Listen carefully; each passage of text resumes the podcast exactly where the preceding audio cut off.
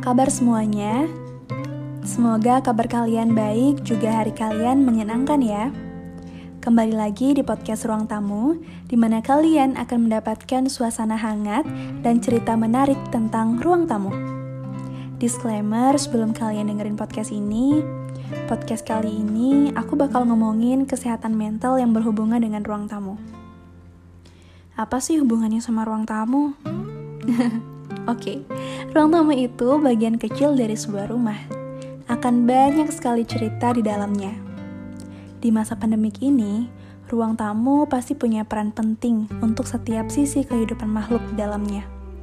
So, dengerin sampai akhir ya.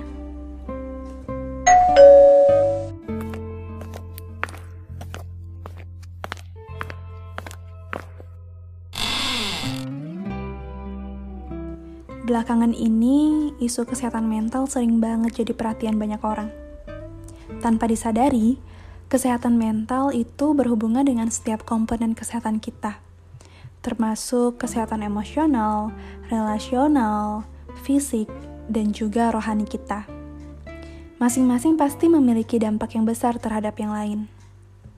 Tanpa disadari, masalah kecil itu sering banget terjadi di rumah dan terjadi di orang-orang terdekat kita. Tentu, jika memiliki hubungan keluarga yang baik, bisa membuat seseorang merasa aman dan cintai. Dan pastinya mereka akan memberikan rasa yang memiliki.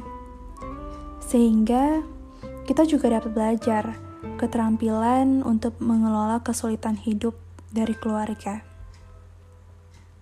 Namun, ketika hubungan keluarga yang stabil dan mendukung, seseorang yang memiliki masalah atau gangguan kesehatan mental mungkin lebih responsif terhadap pengobatan. Persahabatan, dukungan emosional, dan sering kali dukungan ekonomi juga berdampak positif loh pada seseorang yang menghadapi masalah kesehatan mental. Sementara beberapa orang yang mengidap masalah kesehatan mental mungkin memerlukan dukungan keluarga yang kuat.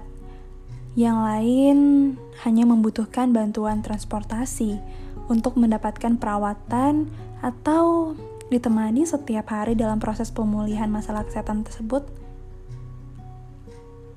Sementara kalau dilihat dari hubungan keluarga yang tidak sehat, menyebabkan seseorang terjerumus ke dalam beberapa masalah kesehatan mental bahkan membuat pemulihan menjadi makin sulit. Sementara itu, hubungan keluarga yang negatif akan dapat menyebabkan stres pastinya, berdampak pada kesehatan mental, dan menyebabkan gejala gangguan fisik lainnya. Kalian mungkin paham, keluarga yang tidak mendukung dapat mengurangi kesehatan mental seseorang dan atau menyebabkan penyakit mental kian memburuk. Sebagian besar perawatan yang sering diandalkan oleh penderita kesehatan mental pastinya berawal dari keluarga. Jadi, ketika anggota keluarga menolak dukungan ini, proses pemulihannya tentu dapat terpengaruh secara negatif. Contoh yang mungkin aku atau kalian sangat awam untuk dilakukan oleh seorang remaja seperti kita sekarang adalah berani speak up. Bener banget, karena remaja sekarang saat mengalami depresi atau masalah di luar rumah, mereka itu ragu untuk ungkapin ke orang tuanya. Ya karena mereka takut respon yang diharapkannya enggak sesuai sama keinginan mereka. Dan ujung-ujungnya yang maunya ngungkapin ke orang tua, jadinya malah mereka pendam sendiri. Tentunya akan ada beberapa respon pastinya. Tanpa disadari, kesehatan mental itu juga sama pentingnya dengan kesehatan fisik loh. Sehingga, saran yang diberikan pun cenderung ke spiritualitas.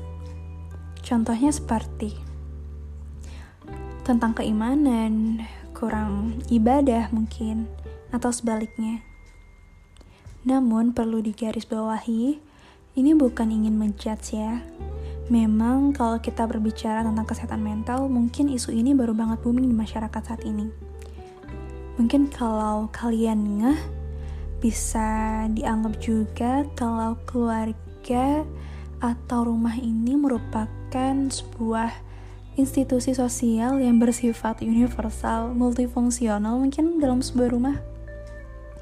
Tapi hendaknya keluarga perlu banget dong memperhatikan perkembangan mental dari anak-anaknya, baik saat ia berada di dalam rumah maupun di luar lingkungan masyarakat.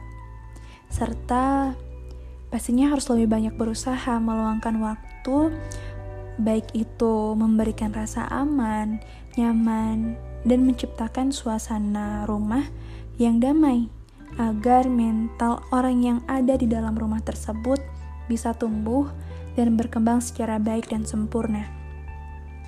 Kadang-kadang orang tua itu terlalu sibuk mengejar perekonomian, sehingga anak nantinya akan mencari kebahagiaan dan kenyamanan di luar keluarganya.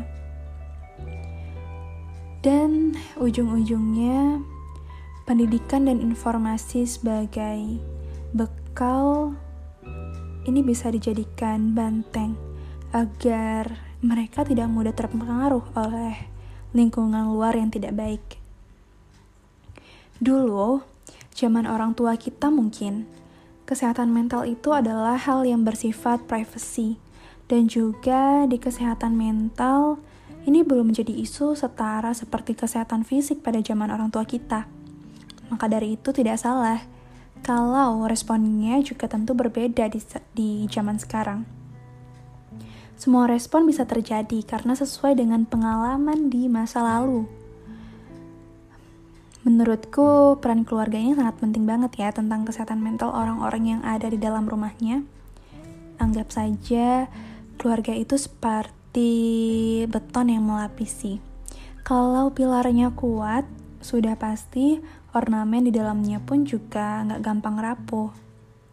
Dan tidak semua orang tua pengetahuannya cukup tentang kesehatan mental. Akibatnya, sebagian malah menganggap gangguan mental adalah aib keluarga.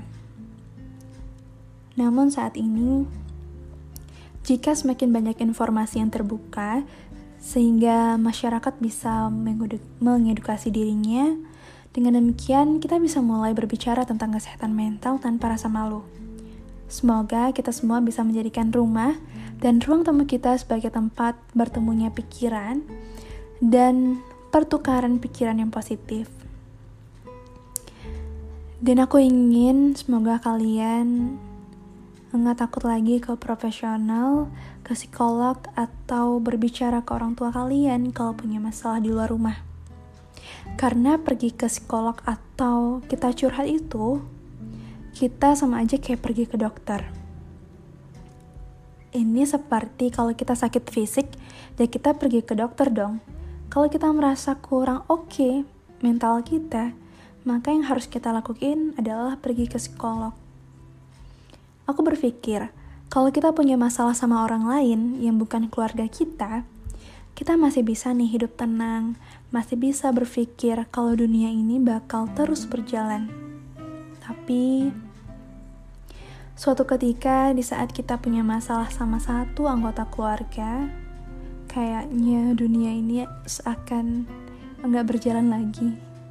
Napas pun rasanya engap. Jadi bisa disimpulkan dari masalah ini ialah bagaimana peran keluarga itu sangat penting untuk mental dan kekuatan kita. Kekuatan orang yang ada di rumah tentunya. Kesehatan mental yang terjadi di dalam rumah di situasi keluarga bisa terjadi karena faktor cobaan. Tapi aku percaya bahwa cobaan adalah salah satu bentuk kasih sayang Tuhan kepada hambanya, kepada umatnya. Semata-mata agar kita tumbuh jadi manusia yang lebih kuat dan lebih bijaksana dari sebelumnya. Yang menjadi tantangan terbesar adalah bagaimana caranya kita bisa selalu berbaik sangka kepadanya. Seberapapun besarnya cobaan, itu menerpa kita. Kalau kita kecewa sama orang lain, atau kita kecewa sama seseorang, kita harus ingat kalau semua manusia itu pasti mengecewakan, dan cuma kamu, diri kamu, yang bisa mengontrol itu semua. Jangan terlalu berekspektasi sama seseorang, tapi dari semua yang hilang, aku bisa simpulkan Sepertinya aku paling merindukan diriku sendiri. Cuma diri kita yang sejatinya bisa diandalkan sebaik mungkin. Kita pasti berusaha untuk bisa memberikan yang terbaik untuk diri kita sendiri.